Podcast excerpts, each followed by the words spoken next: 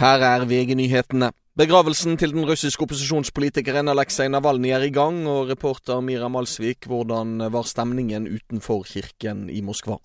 Jo, Thomas, på TV-bilder ser vi at det er lange køer. Flere tusen har møtt opp, og det blir ropt 'vi gir ikke opp'. Familien har slitt med å få tak i en bårebil til å frakte kista, men fikk den til slutt på plass.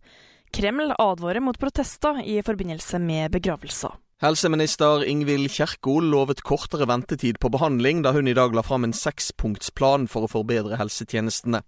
Bedre arbeidsforhold for helseansatte er en del av planen.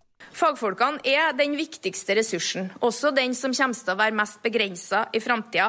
Så skal vi fortsette innsatsen for heltidsstillinger, mot sykefravær og for livsløpstilpasninger i arbeidslivet. Høyre mener planen feiler og kommer til å føre til lengre ventelister.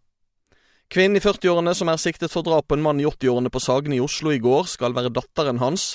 Forsvareren hennes opplyser at hun ikke er i stand til avhør i dag. Og kvinnen som var siktet for kroppsskade i Vardø, er nå siktet for drap. Mannen hennes i 60-årene døde etter knivstikking. I studio, Thomas Alsaker, nyhetene får du alltid på VG.